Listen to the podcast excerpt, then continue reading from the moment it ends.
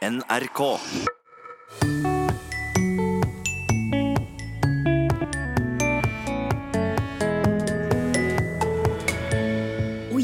Klart svar er ofte en utfordring for politikere. Hvilket belegg har du Unnskyld, for å jeg hører hevde ikke at hva du sier. resultatet blitt et Beklager, men det, du, du snakker for lavt.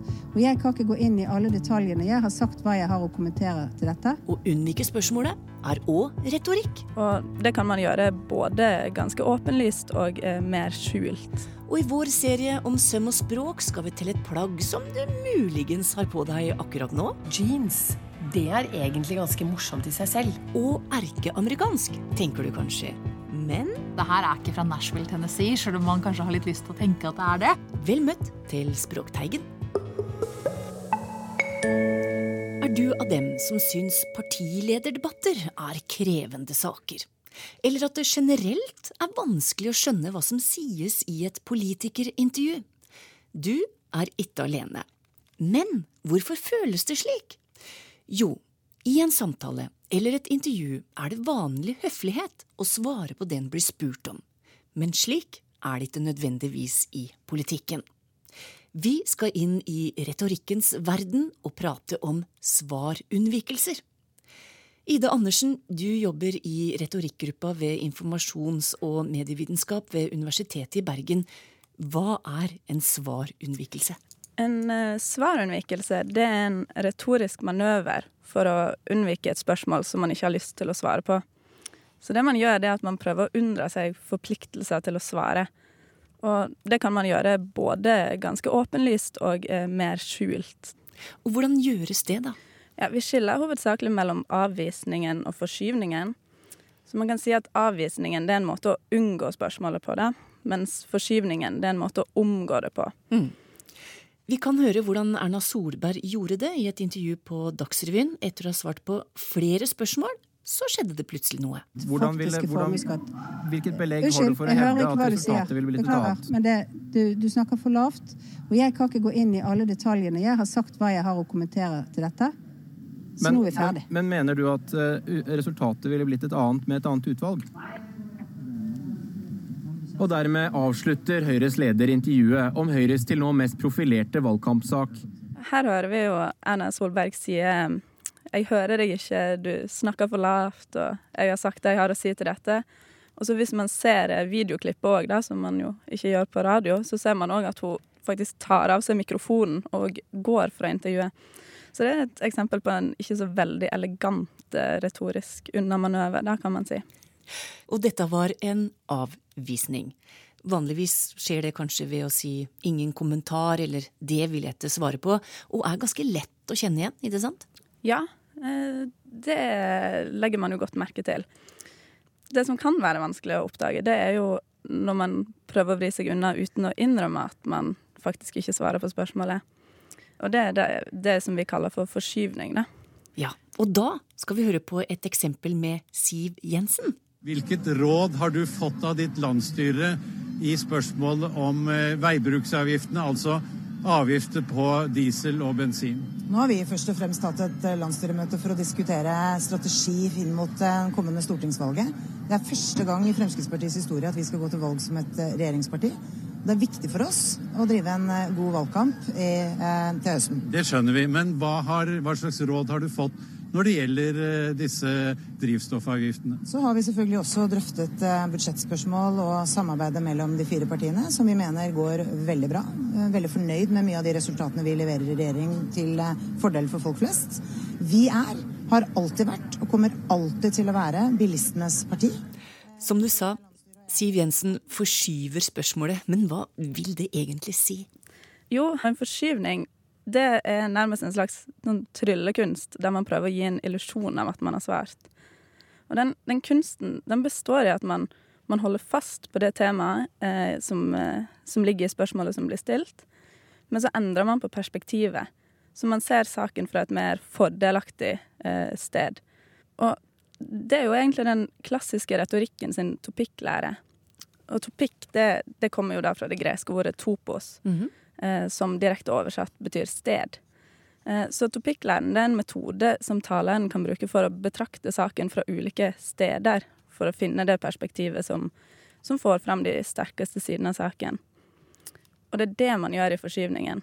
Når man forskyver et spørsmål, så endrer man ikke temaet i spørsmålet, eller man nekter ikke å svare i det hele tatt, men man endrer perspektivet i spørsmålet. På hvilken måte er det det forskyver seg her, da?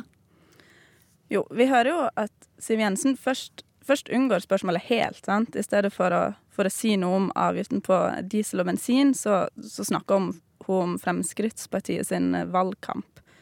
Eh, og så stiller spørs, eh, journalisten spørsmålet på nytt, og da svarer Jensen med det vi kaller en nivåforskyvning. Det handler om at man endrer perspektivet enten fra det konkrete til det generelle, eller omvendt. Mm. Og så til slutt så, så endra hun perspektivet i tid. Så hun foretar det vi kaller en tidsforskyvning. Fikk du også råd om at dere skal fortsette å være regjering? Eh, Dvs. Si at dere fortsatt bør få støtte både fra Kristelig Folkeparti og Venstre? Fremskrittspartiet er veldig stolt av det vi leverer i regjering hver eneste dag. Vi har nå lavere helsekøer enn da vi, før vi gikk i regjering. ja, det, det, det, Ikke ta hele ramsen. Så vi leverer godt, og vi skal fortsette kampen mot skatter og avgifter. Vi har så langt redusert dem med 18 milliarder kroner. Her endrer Jensen perspektivet i svaret fra framtid til fortid.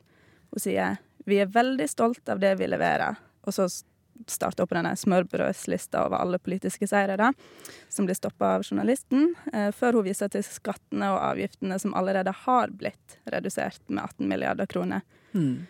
Så blir det spurt hva skal dere gjøre, og så svarer hun med dette har vi allerede gjort. Og denne retoriske øvelsen der, den er ganske utbredt blant eh, politikere? Ja, uh, dette er ganske utbredt. Uh, Siv Jensen er ikke alene om å gjøre dette. Nei.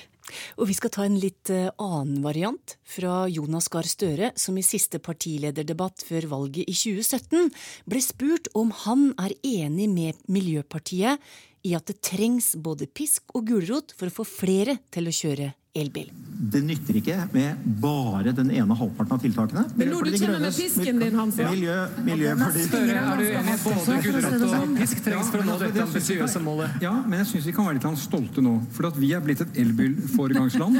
fordi vi hadde, og det skjedde på vår vakt også, vi hadde eh, mekanismer som gjorde at det var billig å kjøpe disse elbilene. Og bilindustrien de tar signaler. Når vi har sagt 2025, så kommer de til å innrette seg etter det. Det Jonas Gahr Støre tilfører, det er å forskyve på aktør. Hva vil det si? Ja, det han gjør er altså at han inntar en annen rolle, eller han svarer vel egentlig på vegne av en annen gruppe enn det spørsmålet var tiltenkt. Fordi at han blir spurt om, eh, om han er enig i disse tiltakene som blir foreslått. Og da mm. svarer han med å si at bilindustrien, de tar signal. Og når vi har sagt 2025, så kommer de til å innrette seg etter det. Så han eh, svarer på vegne av bilindustrien da, når spørsmålet var rettet til han som politiker. Så en høytid for svarunnvikelser, det er vel en valgkamp, da, eller? Ja. Det, det, er kanskje to situasjoner der det er mye svarunnvikelse. Og det ene er jo nettopp valgkampen. Eh, fordi at det er en situasjon der politikerne har vanskelig for å komme med altfor mange garantier og løfter. Fordi at de ikke vet hvor stor oppslutning de får. Og så vet de nødvendigvis ikke hvordan et regjeringssamarbeid kommer til å se ut, og hvor stor innflytelse de kommer til å få. Mm. Og Da kan det være vanskelig å gå hardt ut og love ting eh, når man etter valget må forhandle med andre parti. Samtidig så skal jo vi velgere ta et valg, og for å ta det valget så trenger vi å vite mest mulig om politikken vi stemmer på. Ja. Så det er jo òg naturlig at journalistene, som, som jo er utspørrere på vegne av oss, prøver å framtvinge garantier og løfter av politikerne. Og den andre situasjonen er der et parti går fra opposisjon og inn i et regjeringssamarbeid. Sånn, igjen er det dette med at når man skal samarbeide, så må man gjerne inngå kompromiss. Og Det betyr at standpunkt partiet tidligere har fremma, ikke nødvendigvis er forenlig med den politikken de må være med på å føre. Mm. Da får vi ofte sånn forklaringsproblemspørsmål der, eh, der det blir antyda at politikeren har et for forklaringsproblem. Bryr publikum seg om det? Er det gjort undersøkelser på det? Ja, altså Vi ser jo i noen studier som er gjort um, Jeg har noen kollegaer som har gjort en studie i Norsk medborgerpanel, og at publikum for det første ikke syns at uh, debattene er særlig informative. De syns det er spill og strategi og sirkus. Og vi ser òg at folk reagerer ganske negativt når de ser på debattene underveis da, så reagerer de negativt på brudd på samtalenormen. Da. De, de reagerer negativt både på svarunnvikelser, men òg på f.eks. avbrytelser. Mm. Og vi ser liksom, tendenser til at den frustrasjonen skaper en form for politikerforakt, da, fordi det, frustrasjonen rettes alltid mot politikerne, eh, og veldig sjelden mot formatet eller mot journalisten. Sliter du med å forstå neste gang du hører en politiker, så kan det kanskje være vel så interessant å lytte etter retorikken, og hvordan de forskyver svaret sitt i forhold til spørsmålet de fikk. Takk til deg, Ida Andersen, som er stipendiat ved Universitetet i Bergen.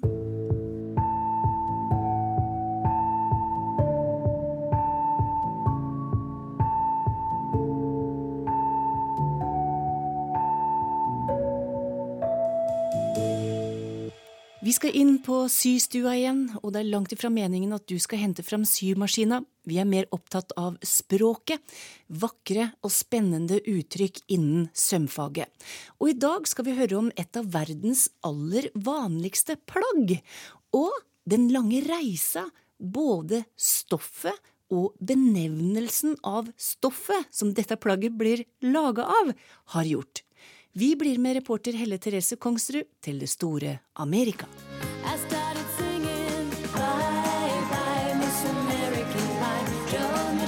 Noen ting er mer amerikansk enn andre, sånn som Madonna, Coca-Cola, hamburger, country og jeans. Nei, vent nå litt, her er det noe som er feil. Jeans er jo egentlig ikke amerikansk i det hele tatt. Hæ? Tenker du kanskje. Og med cowboya? For å nøste opp i denne språklige historien har vi hanka inn designer og sømguru Tine Solheim. Denim og jeans, det er egentlig ganske morsomt i seg selv. Og Kristine Meklenborg Salvesen, som er førsteamanuensis i fransk ved Universitetet i Oslo. Dette her er ikke fra Nashville, Tennessee, selv om man kanskje har litt lyst til å tenke at det er det. Vi kommer tilbake til USA etter hvert, men først tar vi en svipptur til Middelhavet.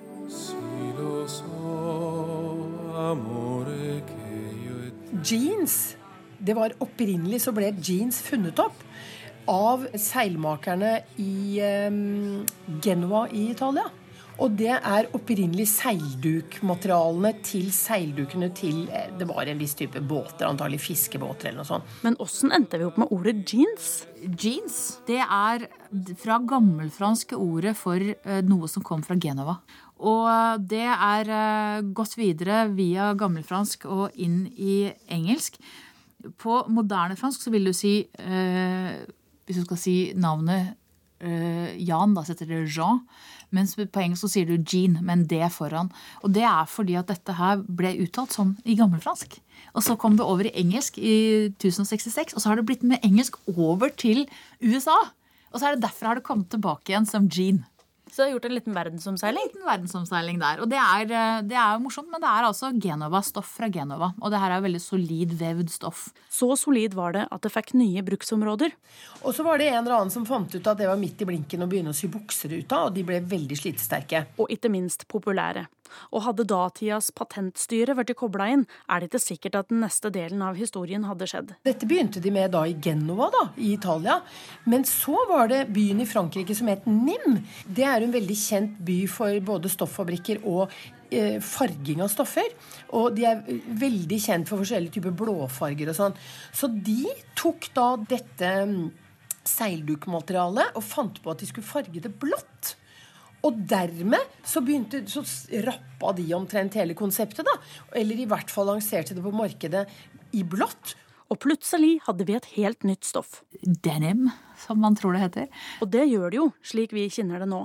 Men det bærer en annen historie i seg. De Nimme. Og Nim er da en fransk by, og dø betyr fra. Så det er rett og slett eh, stoff fra Nim som blir til denim. De Så disse to tingene her, altså Denim er den franske og jean den italienske. Og begge deler høres da ut som det er fra Salinas i California eller noe sånt. Men det er det altså ikke. Selv om det er jo der moten på en måte har oppstått. da. Moten, ja. Men stoffet ble først tatt i bruk fordi det var så solid og slitesterkt. Ja, nå har vi snart våronna her. Da begynner slit og strev, og da må en være godt kledd. Det, det, det gjelder å ruste seg. Ja, har du hørt hva de sier? Brynjedongeri er arbeiderens beste rustning. Ja, så det. Brynjedongeri? Ja. Brynjedongeri fra Stene og Isaksen i Fredrikstad. Det er de beste arbeidsklæra som fins. Det finnes òg en historie om at de første buksene av dette stoffet ble laga etter at Levi Strauss hadde tatt med seg noe av dette seildukstoffet fra Genoa til gruvearbeidere i USA. Meninga var at de skulle sette opp telt, men de hadde større behov for arbeidstøy. Dermed fikk de tilkalt en skredder, og resultatet var de første jeansa som etter hvert kom tilbake til Europa. Jeg syns det er morsomt. Det er veldig morsomt. Og det er liksom sånn hvordan ting kan liksom reise. Hvordan ord kan reise, og så kommer det tilbake i en helt annen form. Og så, uh, det er liksom som den derre guttungen som reiser til Amerika, kommer hjem som en onkel som ikke lenger klarer å snakke ordentlig norsk. Altså, det, er, det er noe morsomme sånn, alt, man, det, Akkurat som ting blir noe annet, og så er det Når du graver litt, så er det ett lite ord som har reist rundt i verden og tatt turen tilbake. Mm. Her kommer et lite appendix. For dette stoffet har jo òg et tredje navn, nemlig dongri. Det er et indisk stoff, og ordet kommer fra hindi, og her er det òg en by som har gitt navnet til stoffet, nemlig Dungaree.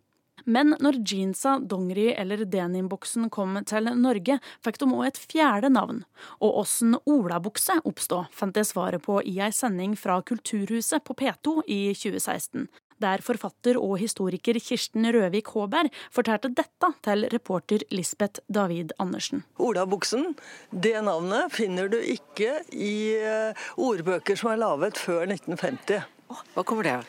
Fordi det kommer av at uh, i 1947, i forbindelse med, med fredsslutningene etter annen verdenskrig, så hadde vi brigader fra de allierte i Tyskland. Og Norge hadde noe som het Tysklandsbrigaden.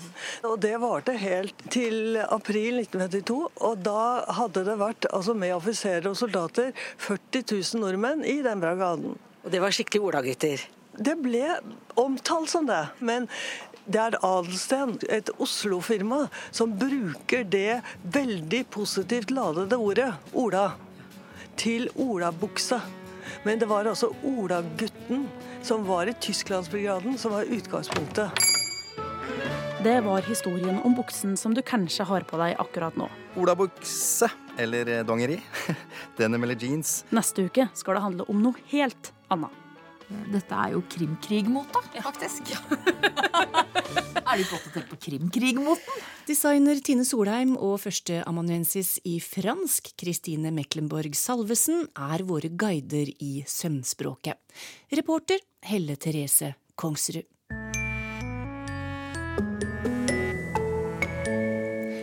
Vi gjør klart for lyttespørsmål i Språkteigen. Dem går til Tor Erik Gjenstad i dag, og det første kommer fra Helene Bank.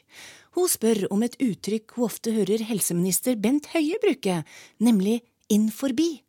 Hun ville sjøl ha sagt innen. Er inn forbi dialekt, eller er det en uvane, spør hun.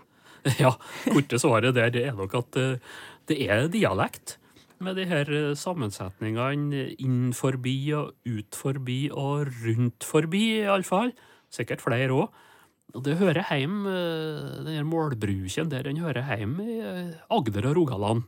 Så det er sør-vest. Og så går det inn også i Nedre Telemark. Og det er også registrert fra Vestfold, Nøtterøy iallfall. Men det er sørlige og vestlige dialektfenomen, rett og slett. Ja, Så ingen uvane, altså? Nei. Nei. I sommer så prater vi om uttrykket 'dagens dumt' her i, i Språkteigen, og det fikk Per Gunnar Hjorten til å skrive følgende til oss. I Rana bruker vi uttrykket doning om dugnad. Altså vi arrangerer doning når en jobb skal gjøres med frivillig innsats fra flere. Har det samme opprinnelse som dont, spør han. Nei, må svaret bli her. Det har nok ikke akkurat det. For doning om denne frivilliginnsatsen, det er vel egentlig da dugnad.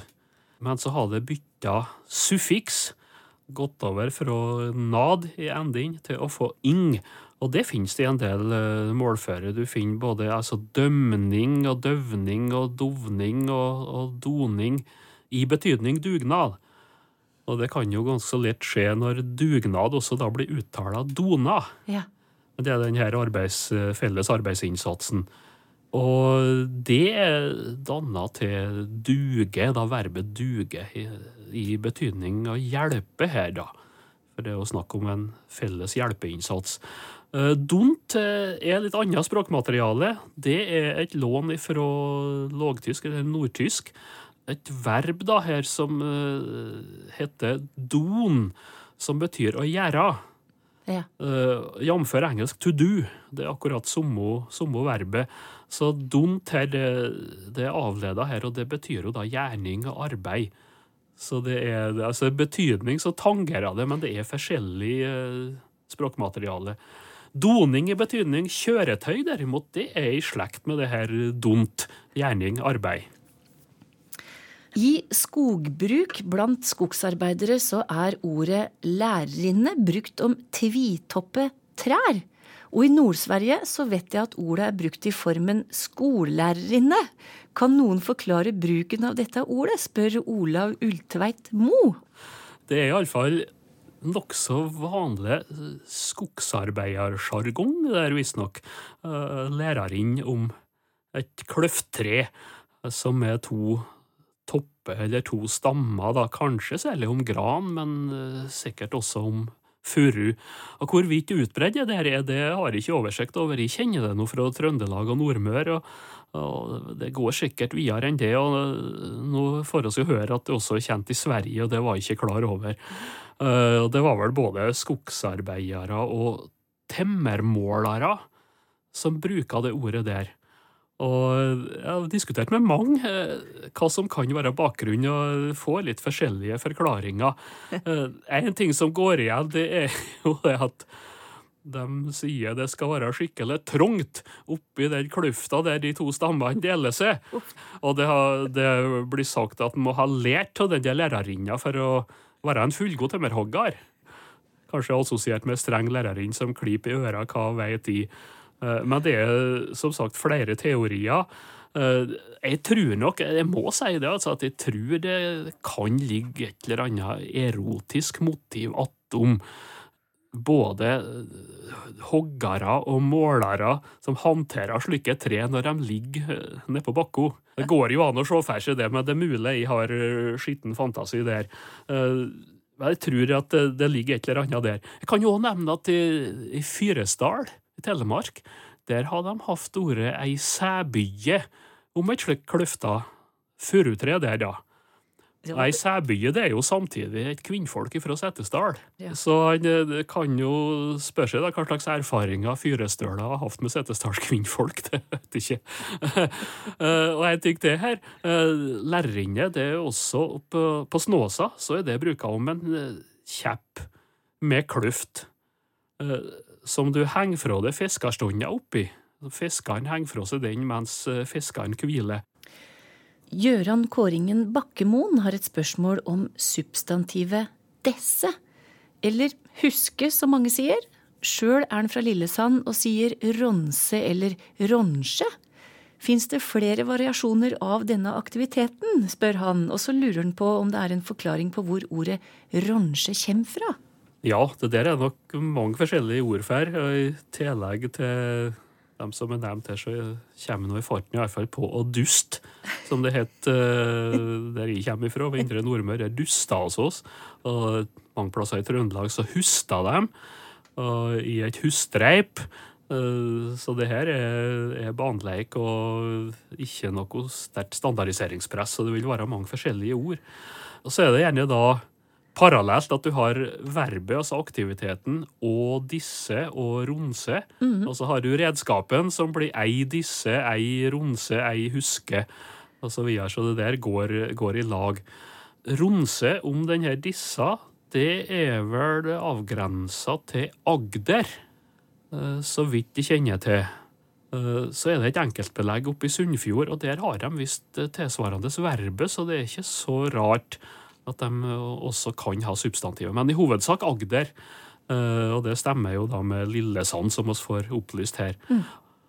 Når det så gjelder hva ronse kommer av, så kan verbet også bety å renne ikring, fare å renne.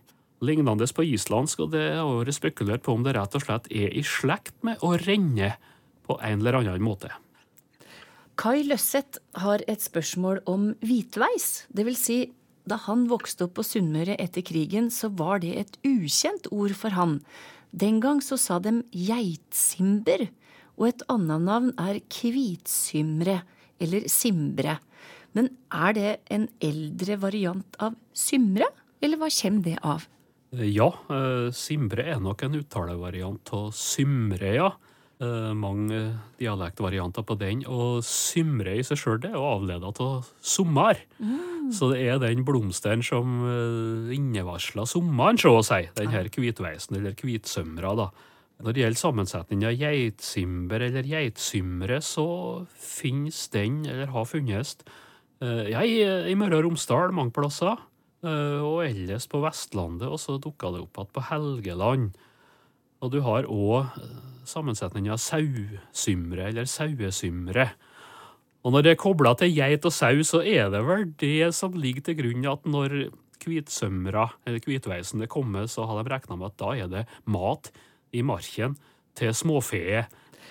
Ellen Grimstad Nilsen har spørsmål om en lek. En gammel utelek som hun likte godt som lita, nemlig å vippe pinne.